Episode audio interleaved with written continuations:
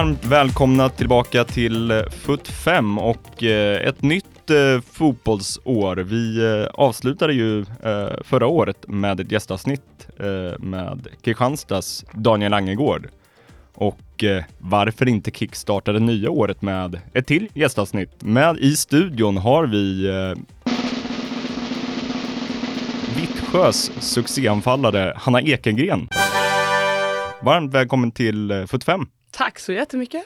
Hur är läget? Det är jättebra. Jag är hemma i Stockholm nu ju och eh, har eh, haft det väldigt bra sedan säsongen tog slut också. Så att, eh, ja, mycket som är bra just nu. Ja. ja. Vad, vad har du gjort sedan eh, säsongsavslutningen? Jag har eh, varit här eh, och jag pluggar ju också så att jag har haft det igång samtidigt. Och sen så har jag umgåtts med familjen och vänner och sånt. Och ja, bara liksom hunnit med sånt som man inte riktigt hinner med på säsongen på samma sätt.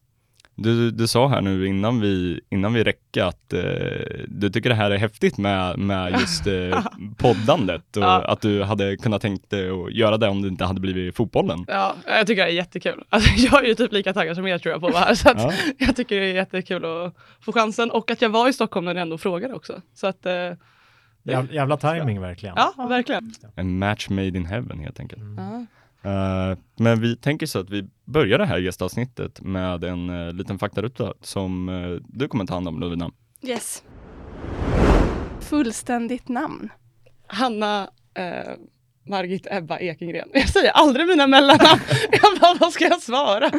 Ja. Men de står i rätt ordning i passet, för typ, så här, vissa har ju mellannamn innan. Ja, precis, ja. innan jag, där, ni, ni oj, det var ändå 50 procent. Mm. Ja, men jag med. Jag med. Nej, du med? Oj, oj. Det, det, är så här, ja men då blir man ju alltid kallad sitt mellannamn istället för sitt riktiga tidsavstånd. Men man är hos läkaren och bara Ingrid, jag bara ja, vem var det? men, och, och, det är inget av de mellannamnen som är ett efternamn också, för det där Nej. kan ju strula till på när man ska flyga ja. vet ja. jag. Min sambo har dubbel efternamn. Skriver jag inte med båda namnen när vi ska ut och resa, mm. då får inte hon komma med planet i stort sett. Alltså de är så jävla hårda ja. på det. Ja. Är det därför du bara skriver ett? Ja. så att jag tar med mig bara min hund istället. Exakt, bara upp. Du bara, hej då, nu åker vi, ta hand om huset. Nej. Nej, så det är inga problem med mina namn. De är i den ordningen. Jag bara jag själv som inte riktigt har tänkt på dem på ett tag. Ålder? 21. Mm. Jag fyller år om två veckor ungefär. Oh, mm. Grattis i förskott. förskott. Ja, tack, tack. Mm. Tidigt. Um, vart bor du? Jag bor ju sedan innan i Stockholm. Mm. Och alltså jag tycker väl inte att det här är mitt hem på något sätt. Liksom. Eh, men samtidigt så nu när jag flyttade ner till Skåne, det var första gången jag flyttade hemifrån också. Då eh, så har jag ju känt att jag trivs jättebra där nere. Mm. Så att det har ju också blivit liksom ett hem på så sätt. Mm. Men så jag bor ju just nu i eh, Skåne, i Hässleholm. Men sen vet vi inte, kontraktet tar slut om en vecka. Så att, eh, Trivs du bra i, i staden ändå? Så? Alltså i början så var det väldigt kämpigt kan jag ju alltså, vara helt ärlig med. Att då var det ju att jag flyttade ju dit. Det var ett av de lagen som jag absolut inte hade någon typ kontakt med någon med. Alltså det bor ju typ 2000 pers i den byn eh, Vittsjö ju. Det är lite, lite annorlunda att, än Stockholm. Ja. Det var väldigt stor, stora kontraster. När jag åkte dit, jag bara, var har jag hamnat? Tänkte jag. Och så började jag kolla på här, du vet, så här, tåg, eh, hur lång tid tar det till Malmö? Hur lång tid tar det till Helsingborg? Alltså typ så. Men nu alltså efter att ha liksom bott in mig, så eh, alltså jag har ju vänner jag kommer ha för livet där och sen har jag ju andra saker jag gör utanför också. Eh, så jag har ju på ett sätt verkligen fått ett liksom riktigt vuxet liv där eftersom att det också var första gången jag då flyttade eh, från liksom Stockholm och storstan på så sätt. Är det, är det många som ändå bor i Hässleholm eller är det vissa i dagen som ändå har liksom bosatt sig i större städer? Ja, jo men precis. Eh, det är väl typ hälften som bor där mm. och sen så bor fler i eh, Kristianstad och någon har ju bott i Malmö och så. Så att det är ingen som bor i Vittsjö permanent liksom.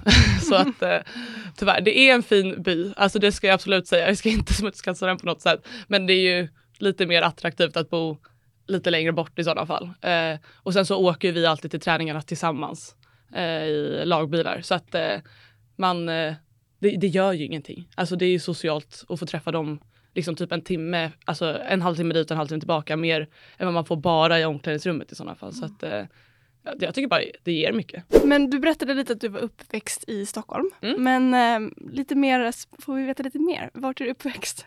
Eh, jag är från Älta, Mm. så att jag spelade i Älta IF eh, när Tyresö hade sin storhetstid.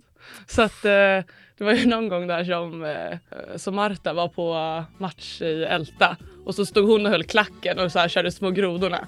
Jag kommer aldrig glömma det i hela mitt liv. Alltså det var så Shit kul. vad coolt. Ja. Ja, vad var man då? Alltså typ så här, jag vet inte, åtta eller. Jag har ingen aning hur gammal jag var. Men jag bara, gud, alltså vill hon, kan hon små grodorna? Tänkte jag. Ja, sjukt alltså. Det var jättekul. Hon är väl till och med svensk eh, medborgare nu va? Ja, Ja. jag tror också det. Ja. Eh, ja, hon har ändå varit här jättelänge. Men, Ja. Eh, jo, men så jag kommer från Älta Mm. och bodde där i tills jag var 12, 13, 14 då. Mm. Så skilde sig mina föräldrar så bodde jag kvar i Älta och i, flyttade till Solna för då spelade jag i AIK. Och eh, efter det så flyttade eh, mamma efter så att eh, då flyttade jag till Solna och eh, Nacka strand också. Så att jag bor ju fortfarande i Nacka på så Mm. sätt men också i Solna. Lite klubbor du har spelat i. Du nämnde Mm. lite eh, Älta, Mm. du nämnde AIK. Ja, sen kom ju det här äh, omtyckta bytet till Djurgården. där. Vad var reaktionerna där? Alltså de var väldigt spridda. Vissa grejer liksom inte, de ska jag inte prata om här i första, i första avsnittet känner jag. Men de, eh, eh, alltså många tyckte ju bara att det var kul och förstod ju att jag ville byta för att liksom, dels så ville jag ju få känna att jag skulle komma upp i allsvenskan. Då låg jag AIK i elitettan. Och dels så, vi hade ju en sån, alltså förlåt, men vi var ju faktiskt väldigt duktiga, vår 02-kull i, eh, i AIK. Och så började lite andra spelare röra på sig där. Så att då kände jag också att det kanske är det, det jag också vill. Så att då kände jag att jag visste ju bara vad AIK var. Så att då bytte jag till, eh, till eh, Djurgården och sen så bytte jag till Vittsjö. Vilka, vilka färger var familjen, alltså Stockholms, eh, bland Stockholmslagen? Alltså, tror eller ej, men pappa han var ju bajare. Nej men han, eh, alltså, han är ju likadan som, han tycker det är kul för att det varit i familjen liksom sen innan. Eh, Mm. Så min farbror är också bajare. Men eh, alltså, jag tycker ju, och han tycker också att så länge jag spelar och mår bra där jag är så är det det som är viktiga. Såklart. Så att, Det var inte där reaktionerna var värst eh, när du bytte mellan Nej. AIK och Nej. Djurgården. Nej, det var ju lika, det var ju lika. Pest eller kolera. så, ja, precis. Natur eller konstgräs? Oh, Alltså jag har ju bara spelat på naturgräs sen jag liksom blev på seniornivå. Mm. Men det beror på också vilken naturgräsplan man är på. Mm. Alltså man får ju jätteont i benhinnorna om man är på naturgräs och sen så ska man bara vara en match på eh, konstgräs. Då mår man ju piss efter alltså. Då är det liksom, jag kan inte komma på träningen imorgon, jag kan inte gå.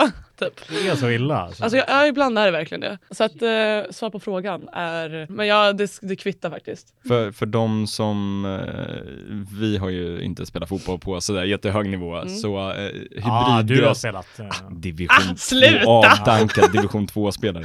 Men eh, hybridgräs, eh, Kristianstad har hybridgräs. Ja, de har det. Eh, Ja. Hur är det att spela på? Alltså, jag brukar brukar inte lägga alltså, stora värderingar i huvudet. så här. Vissa klagar ju över vädret, över eh, vad det är för plan, vilket håll det blåser åt, om solen är mot en. Och jag är så här, alltså, oavsett ska du ju ha de där förutsättningarna vart du än står på planen. Så det är ju bara att acceptera. Så att jag brukar inte alltså, tänka så mycket. Om jag typ missar en pass eller en fint eller något. Eller, jag fintar inte så mycket, varför sa jag det?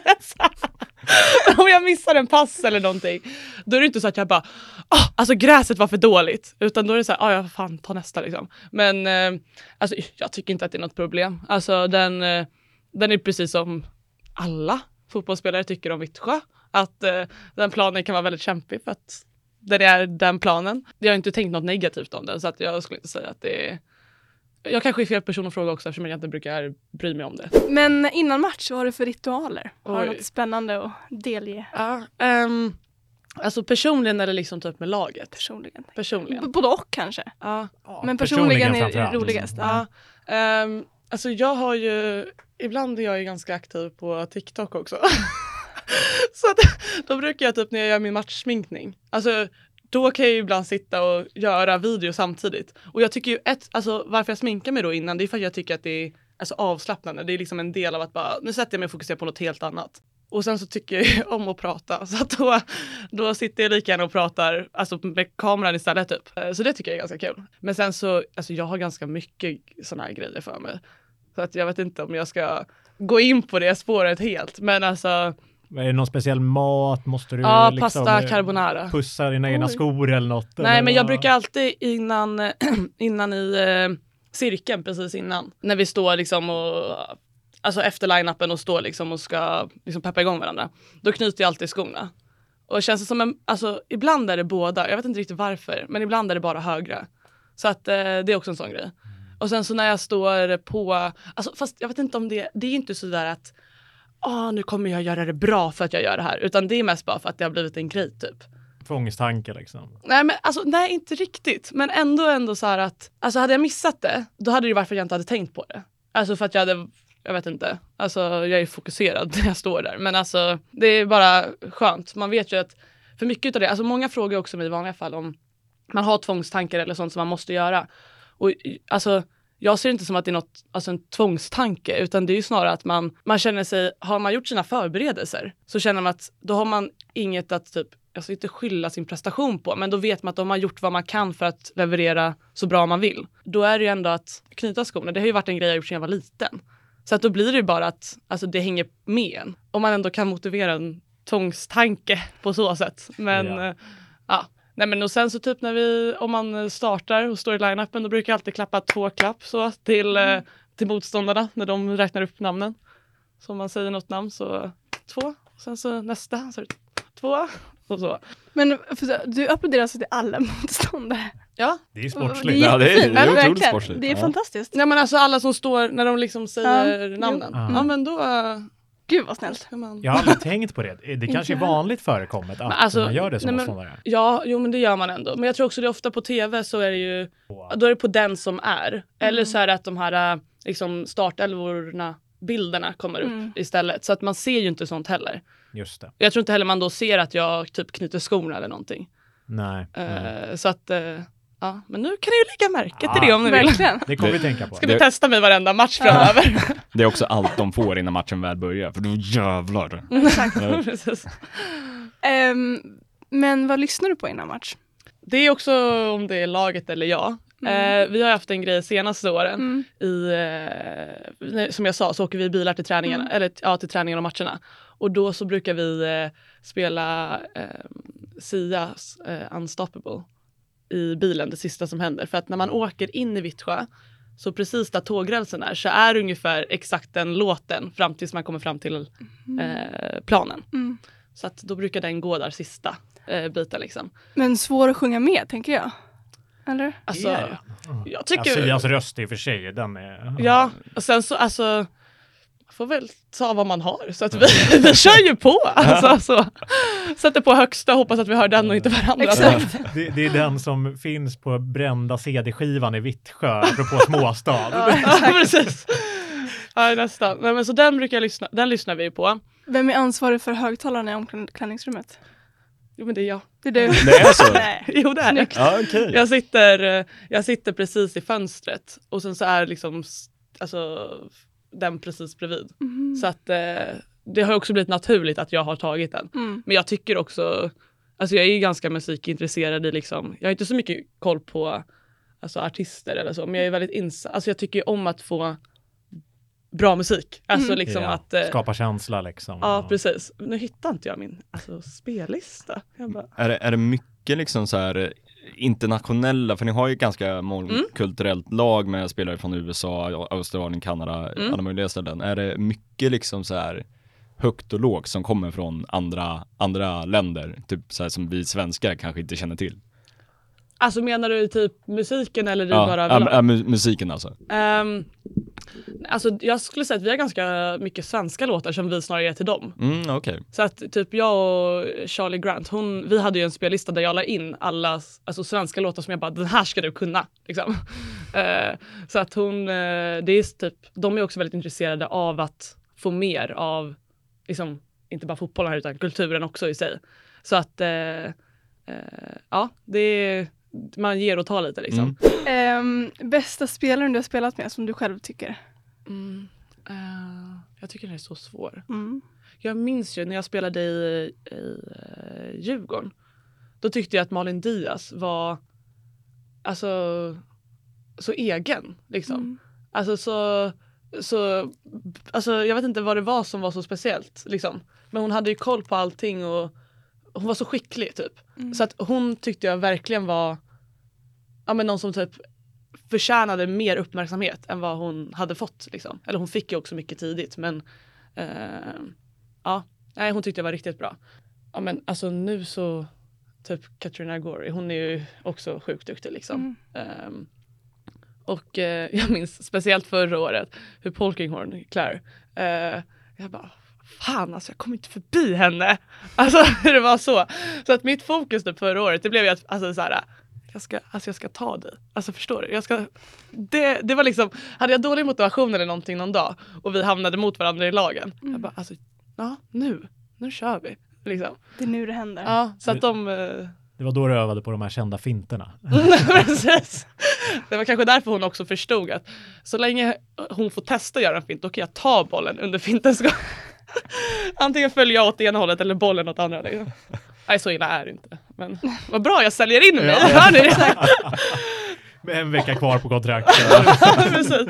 så då ser vi alla klubbar som hör av sig, de tackar nu nej. Exakt. Din största fotbollsupplevelse?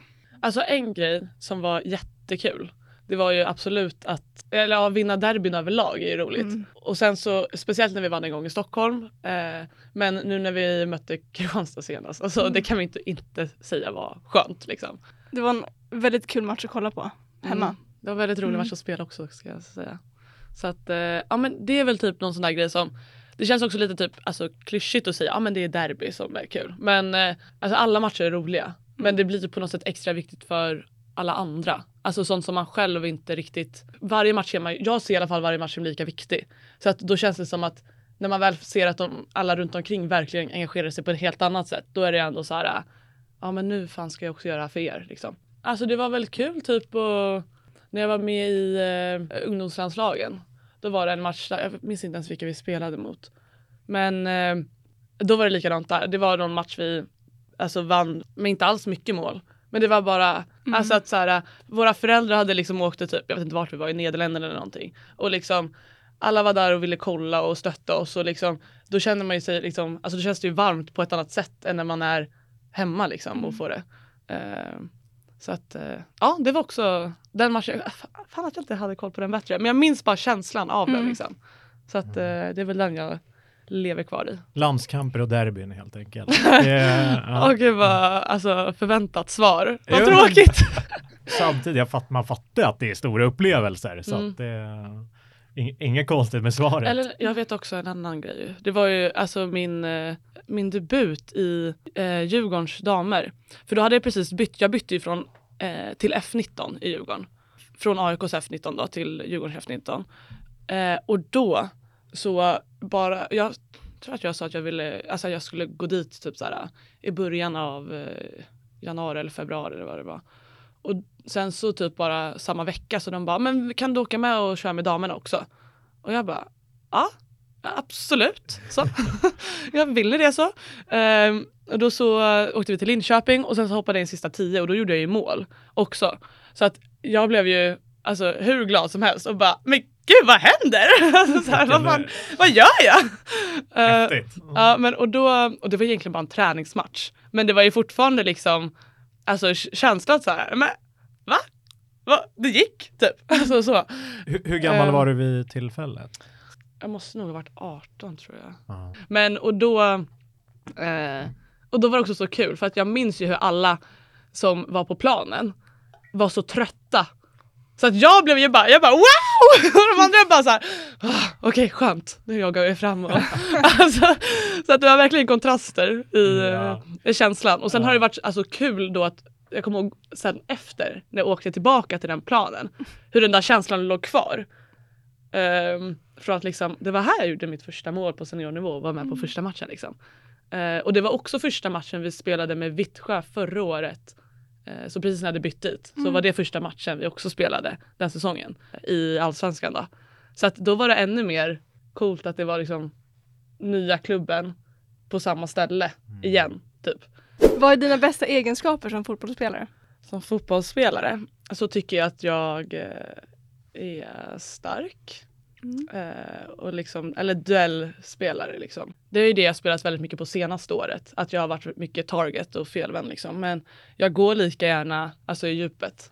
Och eh, jo men så jag är väl ändå hyfsat snabb också. Men eh, jag, jag tror också att jag är ganska alltså, bra på att vara flexibel i det.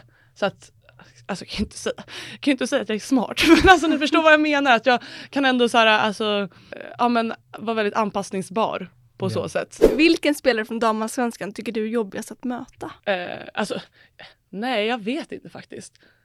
Jag, tycker, jag brukar inte heller tänka så mycket på vilka jag möter när. Mm. Utan precis som jag sa med typ att eh, ja, men vilken plan det eller väder eller vad det kan vara. Då brukar jag inte heller tänka att liksom, det spelar roll. Jag ska ju förbi spelaren oavsett. Mm. Eller liksom vinna mm. duellen oavsett. Så att alltså, det är klart man vet vem man möter och man pratar inför matcher också på teorier om så här, men så här ska vi spela och liksom, de här typer av spelarna eh, har de här egenskaperna eller så vidare. Så att man har ju koll. Men jag ja, tänker att alla jobbet... är lika lätta. Nej, det ska jag absolut inte säga. Alla har en väldigt bra nivå kan vi också konstatera. Så att man behöver ju alltså, ligga på fokus hela tiden. Nej, jag, jag vet inte. Nej. Alla, alla, finns i Vittsjö, de som är jobbiga att möta. Christina Gore ja, i Polka alltså. ja. Ja, Malin Diaz har ju avslutat. Så ja, att hon... ja, precis. Nej men eh, det blir också, man har ju mer koll på dem man spelar med också. Alltså, så att det tog ju sin tid men nu kan jag ändå komma förbi Claire där några gånger. Mm. Snyggt. Ja, då mår man bra. Favorit bortaarena i damallsvenskan? Mm.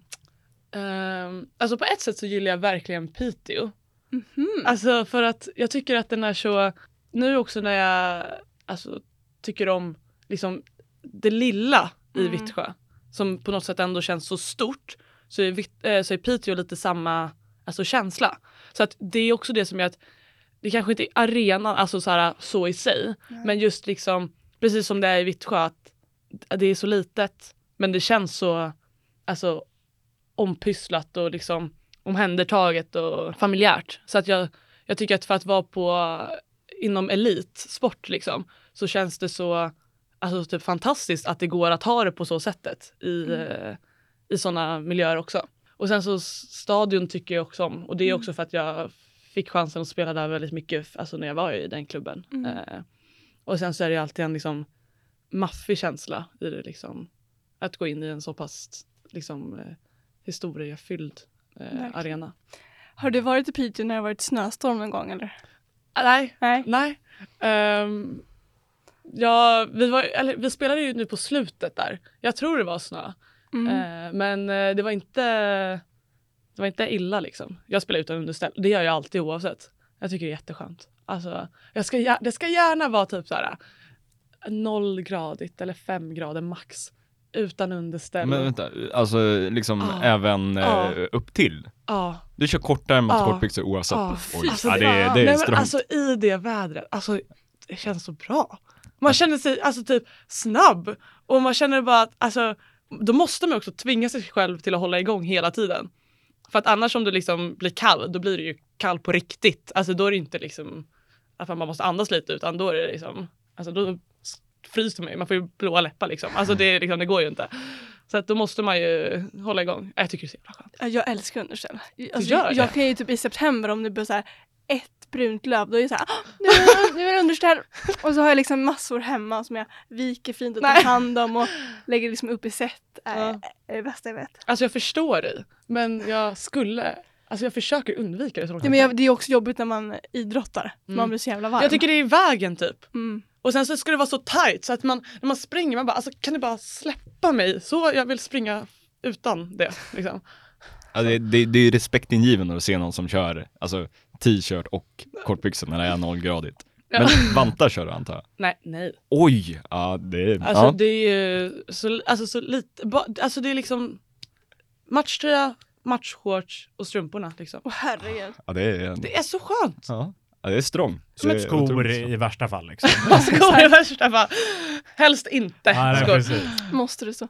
Ja. Vi borde ha en sån här frågesport sen, så här, hur håller man sig varm? Ja. Fem snabba tips. precis. Men jag tror också att jag, jag har märkt det, men jag har ju aldrig valt heller att ha alltså, underställ liksom lager på lager i sådana fall.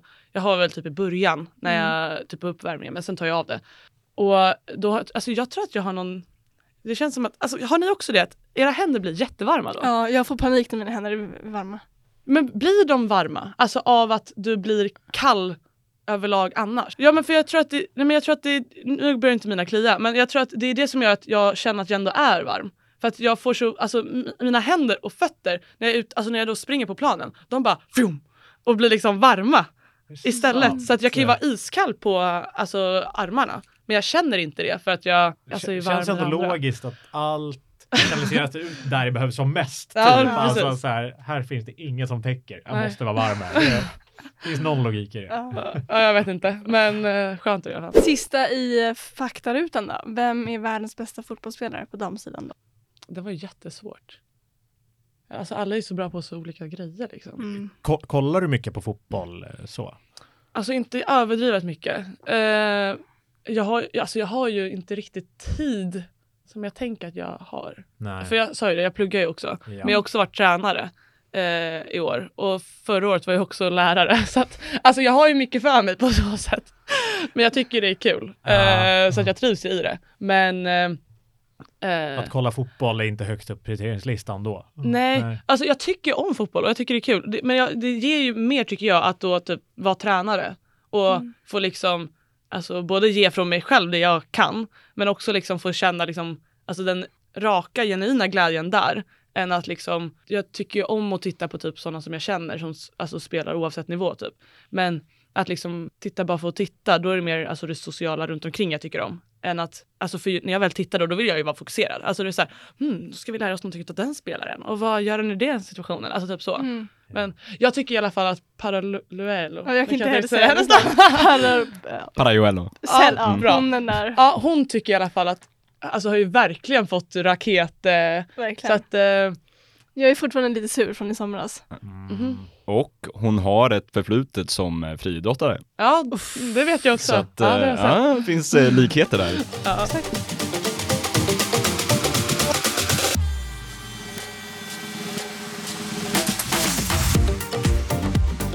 Ja, men det var, det, var, det var uppvärmningen helt enkelt. Ja, eh, faktarutan klar. Faktarutan avklarad och eh, känner du dig varm i kläderna Hanna? Ja. Själv då? Ja, jag, är, jag, är, ja, jag känner mig också varm i kläderna. Skönt! Då delar vi samma. Uh, utan underställ. Ja, utan underställ. Jag har dock långbyxor på mig, men, eh, men ja. Det syns inte i kameran. Nej, exakt, exakt. men Ja, men vi, vi tänkte väl surra lite om säsongen som har varit och eh, även blicka framåt lite eh, mot mm. eh, kommande säsong. Exakt, exakt. Så jag, jag tänker om du får sätta betyg på säsongen oh. du har haft, ja. vad eh, och, och, din egen insats kanske framför allt, mm. men även laget. Hur, hur rankar du den här säsongen? Jag menar, det, blev ändå lite av en genombrottssäsong eh, för dig målmässigt och så. Och även mer speltid och så vidare. Vad, vad säger du? Um, jag tycker det är svårt att göra en sån rankning för att ett så, man vill ju alltid bli bättre. Såklart. Så att eh, det är ganska svårt att säga. Och det, det har jag också märkt att desto högre nivå man har spelat på, desto mer är det lätt att sätta alltså, en lägre nivå på ja. sig själv i det. Alltså man blir mycket mer självkritisk för att man får ju så mycket bättre spelare och äldre spelare och liksom annan miljö eh, runt sig. Men, men om vi tänker kanske med förväntningarna du själv hade inför säsongen mm. och utvärdera då utifrån mm. det. Alltså förväntningen var väl att göra bättre än året innan. För att det året fick jag inte så mycket speltid alls i. Men sjua kanske. Alltså inte utifrån hur jag tänkte innan. För att som jag sa, alltså man vill ju alltid göra det bra. Men eh, också just med att jag började ju verkligen i att eh, jag blev ju utlånad till Trelleborg. Eh, fick ju eh, förtroenden där i några få matcher tills att jag behövdes i vitt sken för en eh, spelare som fick en liten skada. Va, om, om, vi stannar mm. där just i utlåningen till mm. Trelleborg. Hur, hur kändes, minns du hur det kändes där och då och utlånad till Trelleborg och hur känns det i backspegeln? Alltså jag kände att det var jättebra. Eh, och innan så har jag ju varit, eh, jag minns när jag var i eh, i Djurgården. Då minns jag också att då var det ju prat om att jag skulle bli utlånad också för jag hade haft någon skada där. Eh, ville, de ville att jag skulle spela på högre nivå än i eh, F19-laget då och ändå liksom spela mot seniorspelare så då så eh, var det andra spelare som hade varit iväg och spelat med Sundsvall var det. Eh, och då var jag också på den listan att kunna göra det. Så att då ville de att jag skulle göra det. Och då minns jag hur jag var liksom typ emot det.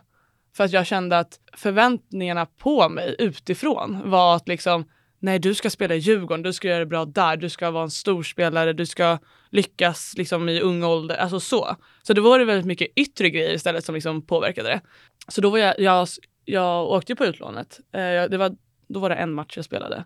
Känslan, det var ingenting mot alltså, laget Sundsvall, utan det var ju bara mot min egna syn på hur andra skulle sett på det. Ja. Nu var det ju snarare att, nu kändes det Sen har jag också lärt mig mycket, alltså så här, med livets gång, med annat. Så att eh, på så sätt så, nu var det att jag frågade också om att liksom, ja men ska vi inte lösa det här? Och eh, kände att oavsett om jag skulle fått speltid eller inte i Vittsjö så sa jag ju det till dem att, för jag gick ju till dem och frågade, alltså eh, jag vet inte hur ni ser på mitt år, men jag vill veta att det finns en liksom trygg punkt i att, eller så här, trygghet i att jag kommer liksom få förtroende någon annanstans i sådana fall.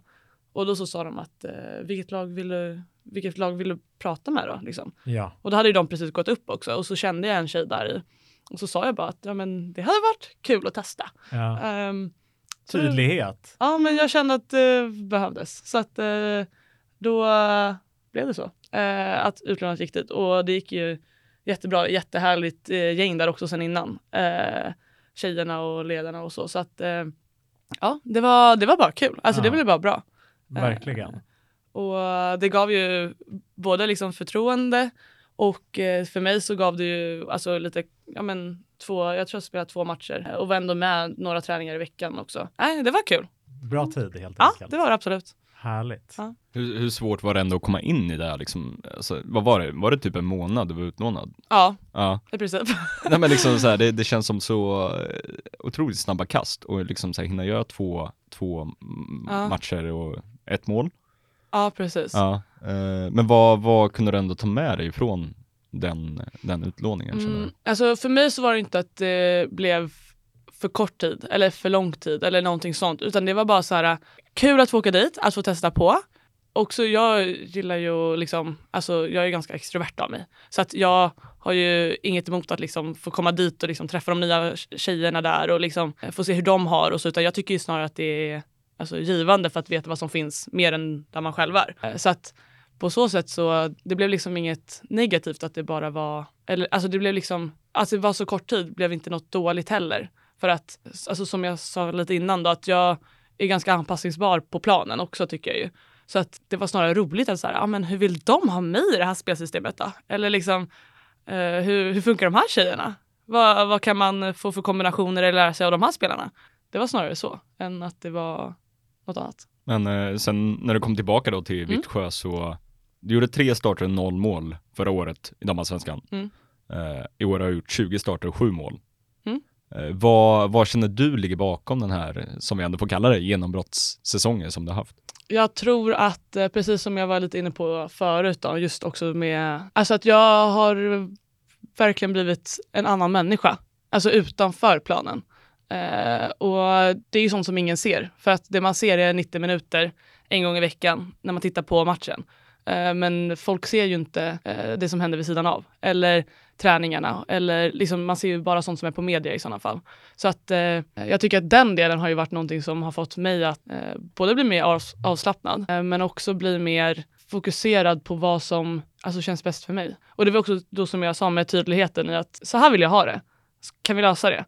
Eh, än att liksom så här, hoppas på att de skulle vilja ha ett utlån eller någonting. Och de var ju helt positiva till det också. Så att det var ju bara bra att det gick att lösa liksom. Just eh, du är inne på att man ser bara det som händer på planen och mm. har utvecklats mycket utanför planen.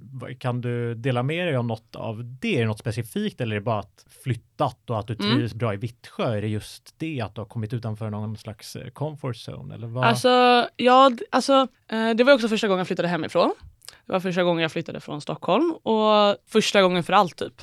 Eh, det var också första halvåret, då gjorde jag inget annat än att spela fotboll. Och jag kände ju på direkten att jag mår bra här, men jag mår inte bra i mig i det heller. För jag men, har ganska mycket energi och vill göra mycket olika grejer. Liksom. Så att jag, jag kände ju att eh, desto mer jag inte var där jag var i Stockholm och tidigare, liksom, desto mer jag lärde känna mig själv så fick jag ju liksom en extra utveckling i det. Så att det tog ju också lite tid att liksom så här, typ, lära sig vad tycker jag om att laga för mat? Alltså du vet typ så. Men ja. bara sådana grejer att liksom, ja, men man fick eh, så mycket nytt kring sig själv typ att få lära sig.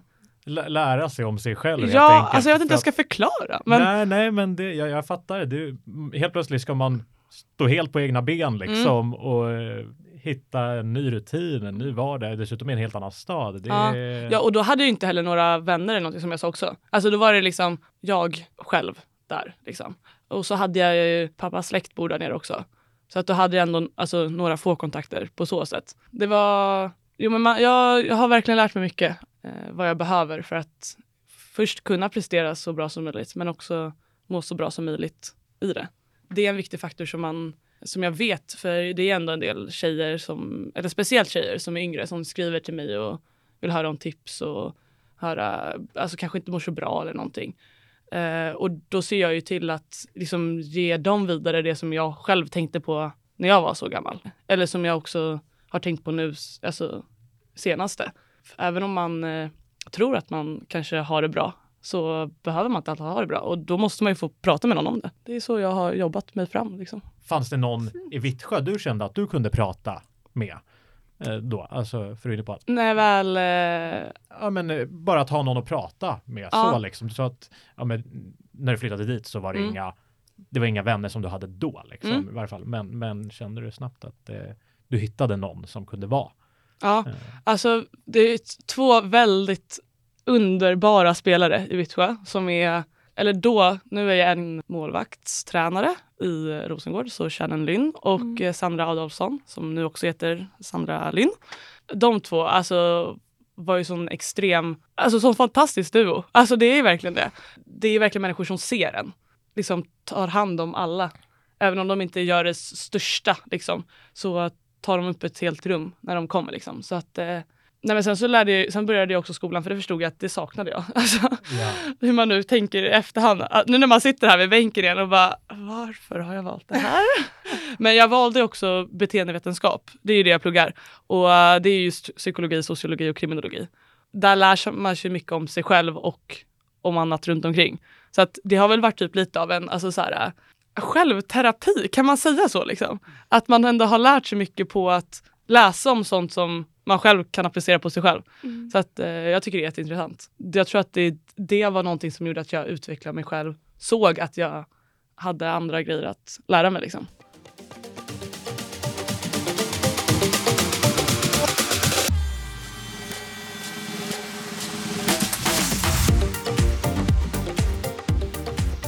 Eh, men du var lite inne på det här med eh, att du har haft kontakt med eh, unga, mm. unga flickor och så som vill ha hjälp med. Är det, tror du, en stor anledning till att du tilldelades eh, ungdomarnas pris? Ja, det, precis. Det heter det. Förra säsongen? Ja. Mm. Eh, alltså när jag fick, när, eller när jag, jag måste också säga, när jag fick höra att jag var nominerad jag bara, vet folk ens vem jag är? Alltså jag bara, jag har haft noll speltid typ. Alltså så här, knappt social, alltså så här, jag lägger väl ut grejer på medier och så, men jag bara, var kom det här ifrån tänkte jag. Men jag, sen tror jag att när jag har tänkt mer på det så har det ju nog haft, det har varit en stor betydelse för det. Även om det är så att det har varit alltså under en längre tid så tror jag att det var också då som flera vågade. Alltså så att typ en kompis vet jag, eller alltså en, ens, en av tjejernas kompis, hon hörde ju av sig bara för att hon visste att den andra tjejen hade av sig. Och att det liksom typ spred ut sig på så sätt. Jag tror absolut att det kan ha stor betydelse och jag tycker också att det är bra att de vågar höra av sig. För det värsta man kan få är att, att personen inte svarar. Och det behöver inte heller vara för att som jag vet att det var en tjej som hörde av sig och sen så hade inte jag läst det med den på typ en vecka. Eh, och så skrev hon typ så här, ja men förlåt jag eh, vill inte störa. Alltså jag tar tillbaka att jag skrev. Och då, så, då, då, är det bara att, då svarar jag ju så att det var inte någonting mot dig. Det var ju bara att jag inte själv har uppmärksammat det. Jag tycker att det är bra att du hör av dig för att du ska ha någon att prata med. Mycket ligger ju inte bara i att vara en tillgång utan också att visa att man kan och vill vara det tillbaka. För de ser ju upp till oss väldigt mycket, eh, många unga. Och då tycker jag att det är viktigt att fler spelare eh, visar att de finns där och inspirerar. Har det, har det här priset och liksom eh, just att många ser upp till dig som en stor förebild, har det gett dig någon eh, typ av boost inför den här säsongen? skulle du säga? Ja, men det har ju också lite mer med vilken typ av person man är eh, som priset kom ifrån. Mer än vad det var man gjorde på planen. Och det tycker jag också på ett sätt, det är någonting jag tar med mig för livet på ett annat sätt än att eh, ta med att det skulle vara eh, självtroendegivande på planen. För fortfarande så vill jag ju se till att göra så bra som möjligt på planen och utanför planen, i laget och allting. Liksom. Det är så mycket grejer man ska, alltså, som ska hända i ett lag som, man, som jag sa, som man inte tänker på när man ser matchen i 90 minuter. Det är snarare det som jag har tagit med mig från det priset, att i sådana fall använda alltså jag som person som styrka i laget och försöka liksom bidra ännu mer till platsen eh, som jag är på än jag gjort tidigare andra år. Det är absolut att det kan ha fått mig till en annan roll i laget, i omklädningsrummet och så. Mm. Men vi tänkte att vi skulle styra tillbaka lite ah. på, på eh, säsongens svar och prestationsmässigt och eh, du hade ju en fantastisk vår där du gjorde sex mål eh, under vårsäsongen. Sen vart bara, inom mm. situationstecken, ett mål på, på hösten. Mm. Var, eh, upplevde du någon, någon liksom skillnad så, vårsäsongen, höstsäsongen eller var det bara att bollsatan inte studsade in på samma sätt som ni gjorde under våren? Jag vet inte.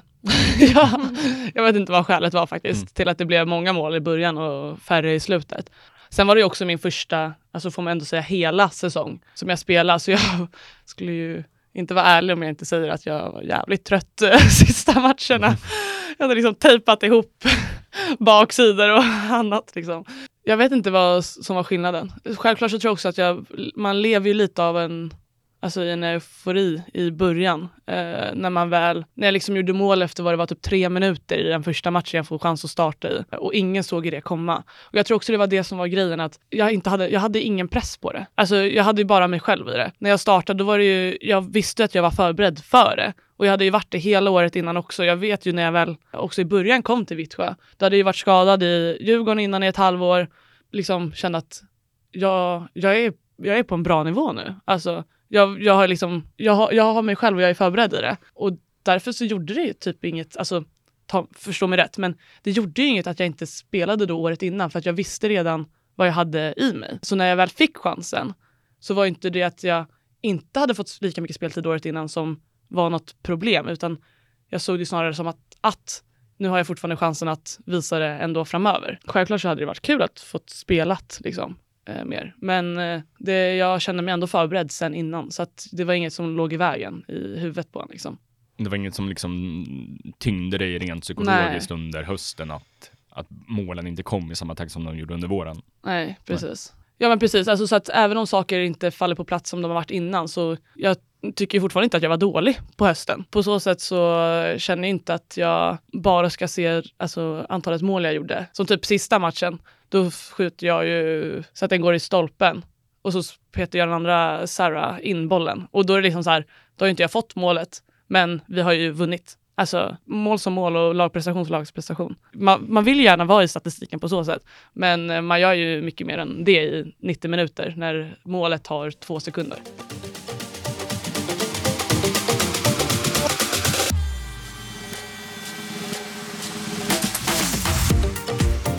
under den här säsongen så har du spelat som en av två anfallare mm. i Vittsjös 4-4-2-uppställning. Mm. Uh, är det en roll som du skulle säga passar dig bäst eller, eller vilk, vilket, alltså um, formation, om du får bestämma, eller mm. vilken roll? Om jag får vara tränare? Om du får vara tränare och placera dig någonstans på plan. Alltså jag tycker ju om 4-4-2, absolut. Sen blev det lite mer att desto mer speltid jag fick så, så blev det också att eh, då fick ju eh, Klara eh, Markstedt hon kom ut också lite mer på vänsterkanten och ibland blev det att jag då mer blev central eh, istället. Men jag tyckte det passade ganska bra. Alltså jag fick ju vara target, fick ta mina dueller jag tycker om att ta med mittbackar och så. Också då ganska fri roll med att liksom eh, ja, men möta och vända upp och spelfördela lite. Sånt tycker jag är kul också. Inte bara vara i box även om det är där jag trivs mest också. Så att jag tycker det är ganska kul och det var också ganska lätt på så sätt att kombinera oss två. Hon vill ju gå i alltså, djupet och jag vill ju gärna också möta så att eh, det blev ju ganska bra på så sätt. Nej, alltså, annars tycker jag ganska mycket om 3-4-3 också och eh, då är det ju både att vara liksom central eller en av de här, en av de tre där uppe. Eh, för vi spelade ju det i ungdomslandslaget när jag var med där ett tag med Per eh, Lagerström och han, han körde ju den och då var jag ju tia eller central forward. Och det var kul. Så att, det är väl de två jag tycker mest om. Men gärna lite, alltså gärna centralt då, då att spela där uppe. Men också, också gå ut lite på kanter. Alltså jag älskar ju att få inkast på mig typ. Jag vet inte om ni har sett det under året, men jag tycker det är jävligt kul. Det. Nej, men jag, jag tycker det är kul att gå ut där och få ta lite en mot en eller hitta på någonting typ. Det är lite vad jag är på för humör mellan de två då, mm. om jag fick välja. Så får man lite djupled och lite target också. Du, du är inne lite på eh, Klara Markstedt som nu lägger skorna på hyllan och, och avslutar sin spelarkarriär. Mm. Vad har hon betytt för dig under den här säsongen eller under din tid i Vittsjö? Eh, man hade ju koll på henne sen innan, det hade jag. Precis som eh, alltså alla spelare där i Vittsjö är ju väldigt, ja men som jag sagt lite innan, det är väldigt familjärt. Det blir liksom att alla, inklusive Klara då, är ju väldigt, alltså det är väldigt öppet, det är väldigt nära som man, alltså som man har i alla lag för att man umgås ju varje dag. Liksom. Det, är så, det är så accepterat i kulturen där, liksom, i, nästan alltså i allt. Så att, eh, och hon har ju också varit där väldigt länge så att hon är en väldigt bidragande faktor till att det har blivit så pass eh, fin stämning. Hon är faktiskt väldigt bra, det ska hon få. Väldigt bra på att ge konstruktiv kritik. Alltså väldigt, väldigt bra på det. I början så jag bara, vad vill hon skälla på mig? Så bara, nej men alltså Fast hon säger det så bra. Alltså man fattar liksom, alltså hon är så bra på just det här konstruktiva. Inte skälla, men liksom ni förstår vad jag menar. Alltså, så här, hon är pedagogisk. Väldigt, pe ja bra ord. Pedagogisk är hon, alltså absolut. Så att hon har ju varit väldigt duktig på att liksom eh, få med mig i situationer som hon känner eh, ett behov av att diskutera, för vi hade inte spelat med varandra innan. Väldigt eh, lärorikt att få vara med henne. Hon vill verkligen eh, dela med sig. Eh, hur mycket kommer du nu oavsett mm var du spelar nästa säsong eh, så kommer du inte spela med henne. Mm. Hur mycket kommer du sakna att spela med henne? Vi funkade ju väldigt bra tycker jag. Och det är precis som andra spelare som också lagt ut från Vittsjö att de eh, ska dra. Det, det, är svårt att säga, alltså, så här, jag kommer sakna att spela med alla oavsett för att ett, som jag säger, alltså, det är så himla fin miljö i laget eh, omgivning. Så att, att spelare ska försvinna är ju hur tråkigt som helst oavsett vilka de är. Liksom. Hon precis som eh, andra har ju varit de första jag på riktigt liksom har fått spelat mig igenom en hel säsong med. Så att det kommer ju kännas tråkigt att inte ha sådana kvaliteter och härliga människor med en vidare.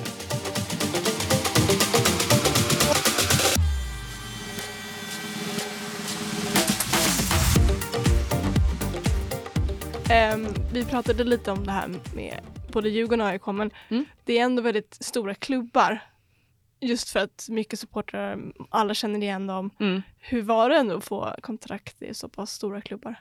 Det blev ju precis som jag sa också att det, eller oavsett så, jag hade ju inte varit med om något annat. Nej.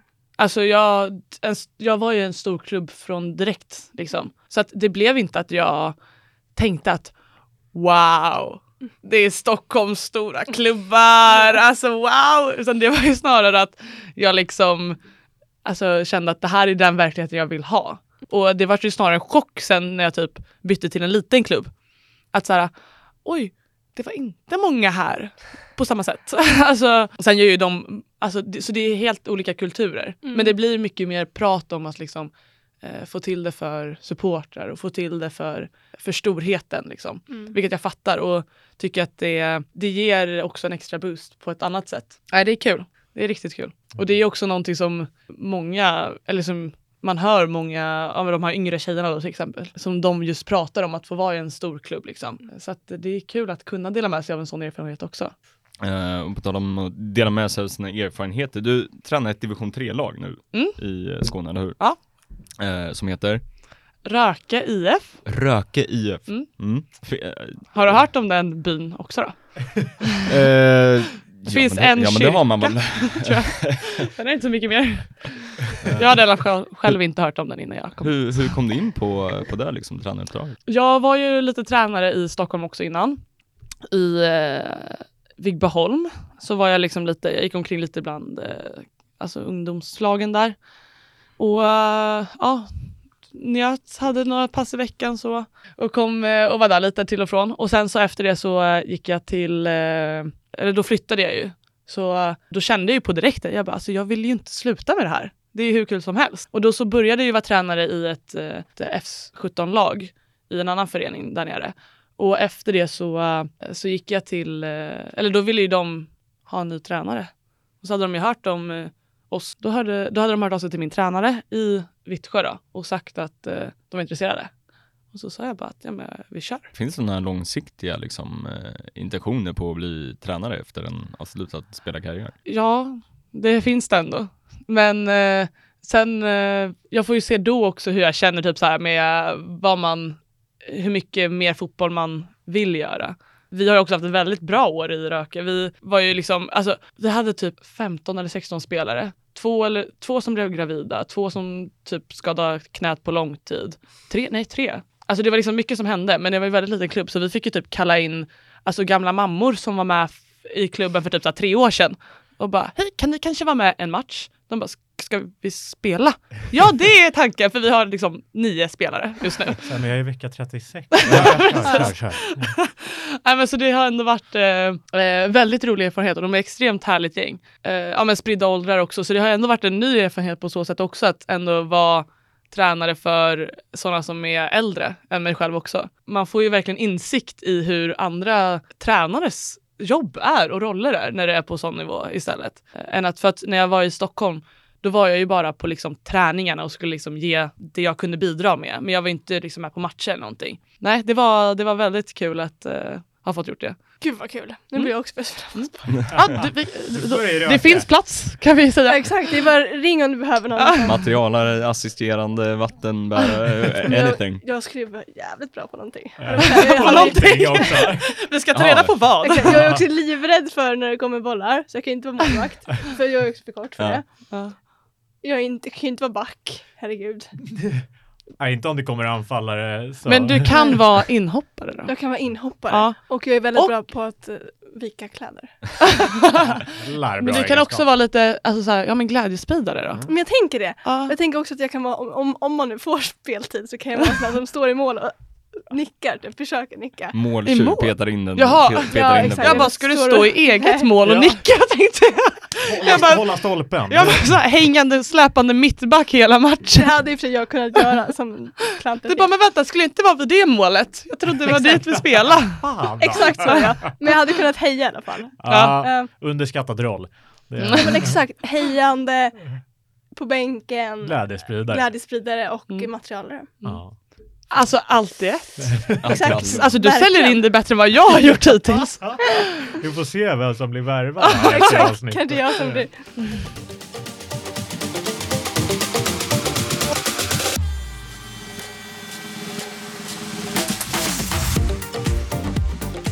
Du var inne på att ja, men, eh, något av det ändå största du själv känner att du har gjort i fotbollsväg har varit landskamper.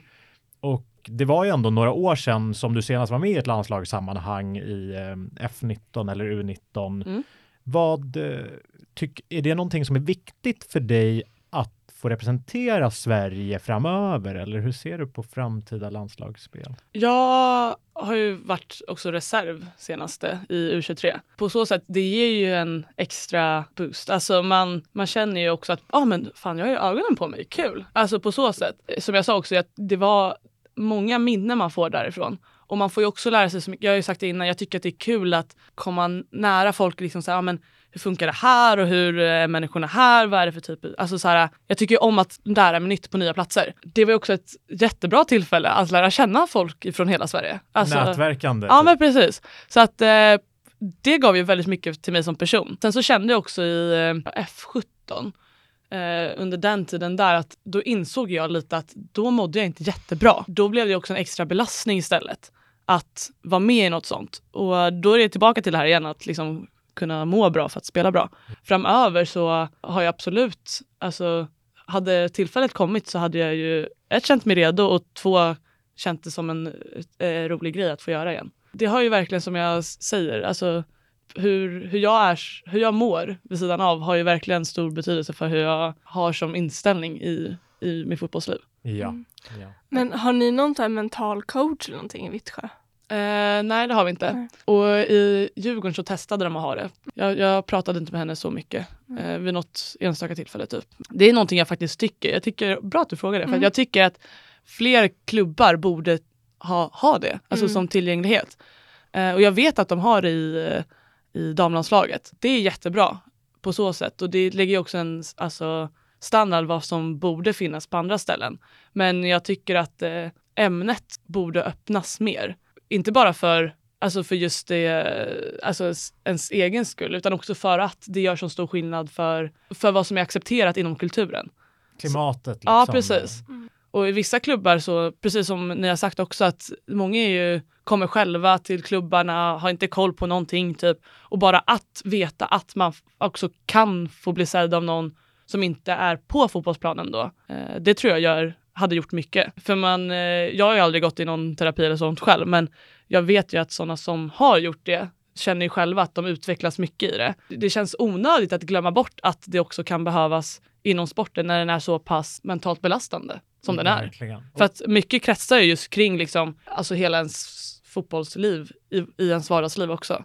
Så att eh, ja, jag tycker att det är viktigt och eh, bra att man försöker pusha på det. Alla är olika säkert vad de behöver. Du har inte kört en mental coach själv, men mm. det finns garanterat säkert de i Vittsjö som hade uppskattat det, mm. är min bild. Mm. Jag menar, när är ett gäng på 30 pers, typ. ja. så, att, så att då bara att visa att det finns någon som är tillgänglig mm hade nog gjort klimatet mycket mm. bättre. Liksom. Ja, och det är det, eller det, eh, jag har inte gått på någon, alltså jag har haft en mental coach från senaste, från förra året eh, som jag haft lite kontakt med till och från. Men jag är inte liksom, eh, det var också en annan som sa till mig att du, du kan få den här tillgängligheten. Och så ja men vi testar. Jag tror också det är någonting som just är skillnaden i att när du ska söka upp hjälpen själv mm. eller liksom ja, men gå till terapi eller någonting, eller bara en idrottspsykolog, då är det ju ofta att du själv ska ta tag i det. Medan när jag blev erbjudande och visste att det här fanns, för det här var ju inte inom klubben eller någonting. Liksom.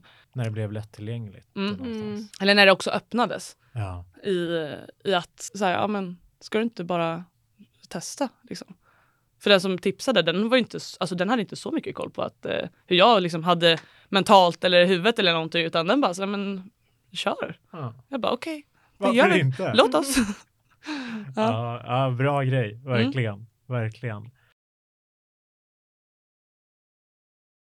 Vi, vi har varit inne på det, ja, men, gått runt det, typ hela avsnittet, men, men mm. ditt kontrakt med Vittsjö går ut om en vecka som du sa. När vi spelar in det här, mm. när vi släpper det så har det gått ut. Mm. Vart kommer du spela din fotboll nästa säsong egentligen? Det har jag inte skrivit på än. Och eh, just nu så för jag ju dialoger som andra, alltså folk fattar ju att jag har dialoger med fler klubbar. Eh, jag tycker det är väldigt kul att få ha det eh, och veta lite, ja men vad, vilken nivå man ligger på, vilka klubbar som tycker att det är intressant att liksom, vad, vad de tänker sig, ja men det, så här ser vi på dig och din spelstil typ och eh, ja, men hur långt man typ har sträckt sig om man säger så också. Ja men alltså länder eller i nivå. Alltså ja men ni fattar vad jag menar. Ja. Jag har inte landat i vad jag känner eh, utan eh, väldigt öppen för att liksom, se vad som finns. Liksom. Just det. Men jag har ju sagt till mig själv också att, få, alltså att bestämma mig innan eh, årsskiftet. All right. Har jag ju känt sen innan. Ah. För jag kände också det när, eh, när mina agenter hörde av sig eh, vid säsongen där i slutet och liksom började prata lite. Då sa jag, vi, vi tar, vi, vi, först gör jag säsongen och sen så tar vi snacket. Så att jag har ändå känt att jag har velat haft en liksom, lugn process i det. Men alltså det, det svåra har jag märkt, det är ändå det här med att om, alltså så här, om man flyttar, om man inte flyttar, alla människor runt omkring som inte kan anpassa sig på samma sätt som jag liksom ser det här som att ja, men allt löser sig ju. Alltså så här, mm. flyttar jag på mig, då är det inom två veckor. Men alla andra är så här, va? Vadå, vill du inte veta vad du gör om ett halvår? Jag bara, jo men det tar jag ju om två veckor, då vet jag ju det. Alltså typ så. Du ser det inte som lika stort projekt liksom? Utan... Nej, alltså jo det är klart att det är en omställning så, alltså det kan vi ju inte liksom skugga. Men eh, jag har också valt fotbollslivet och det är en del av det.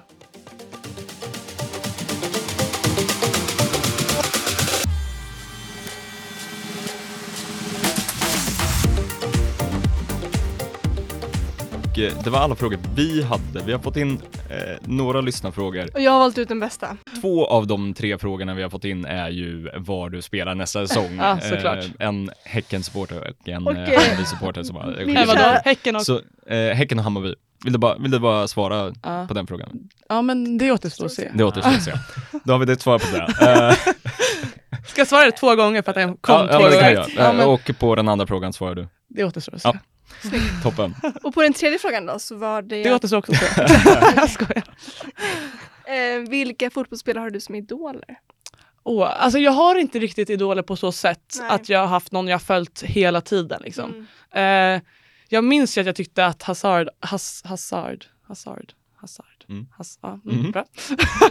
att han och Lukaku tyckte jag om jättemycket när jag var i eh, 17-årsåldern. Jag vet inte varför jag fastnade för dem egentligen. Ja, nej, men jag tyckte de var bra. Och sen så på damsidan så har det ju varit mer att jag precis som jag sagt, jag tittar i fotboll men inte så mycket mm. fotboll. Utan då har jag snarare inspirerats av folk jag spelat med väldigt mycket. Och kan liksom under träningen typ säga, ah, men gud hur gjorde hon det där? Hur fan tänkte hon? Eller liksom, mm. ja, liksom eh, på så sätt inspirerats av spelare. Eh, och jag tror också för att det inte har varit, alltså damfotboll har ju växt väldigt mycket senaste tiden. Och jag tror också att det har gjort att nu är det lättare att få sina idoler. Till skillnad från vad det var liksom, när jag var typ ja, men, sju, åtta. Mm. Alltså så. Så att eh, jag inspireras väldigt mycket av dem jag har runt omkring mig på ett annat sätt. Mm. Mm. mm väldigt fint.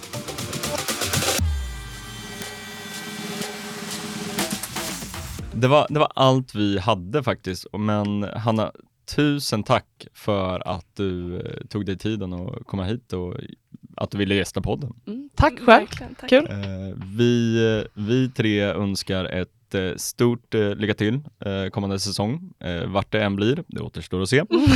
Några oklarheter i det svaret? Ja. Inte alls. Och, eh, hoppas gärna på att du vill vara med i podden någon mer gång. Eh, kanske inför kommande säsong eller något, om en på länk eller vad mm. på något annat sätt. Tusen tack återigen Hanna. Tack. Och eh, ja, på återhörande helt enkelt. God, och, eh, god fortsättning. Ja, god start på det nya året. Ja. Det, var, det var allt för oss. På återhörande. Adjö. Ciao. Ciao.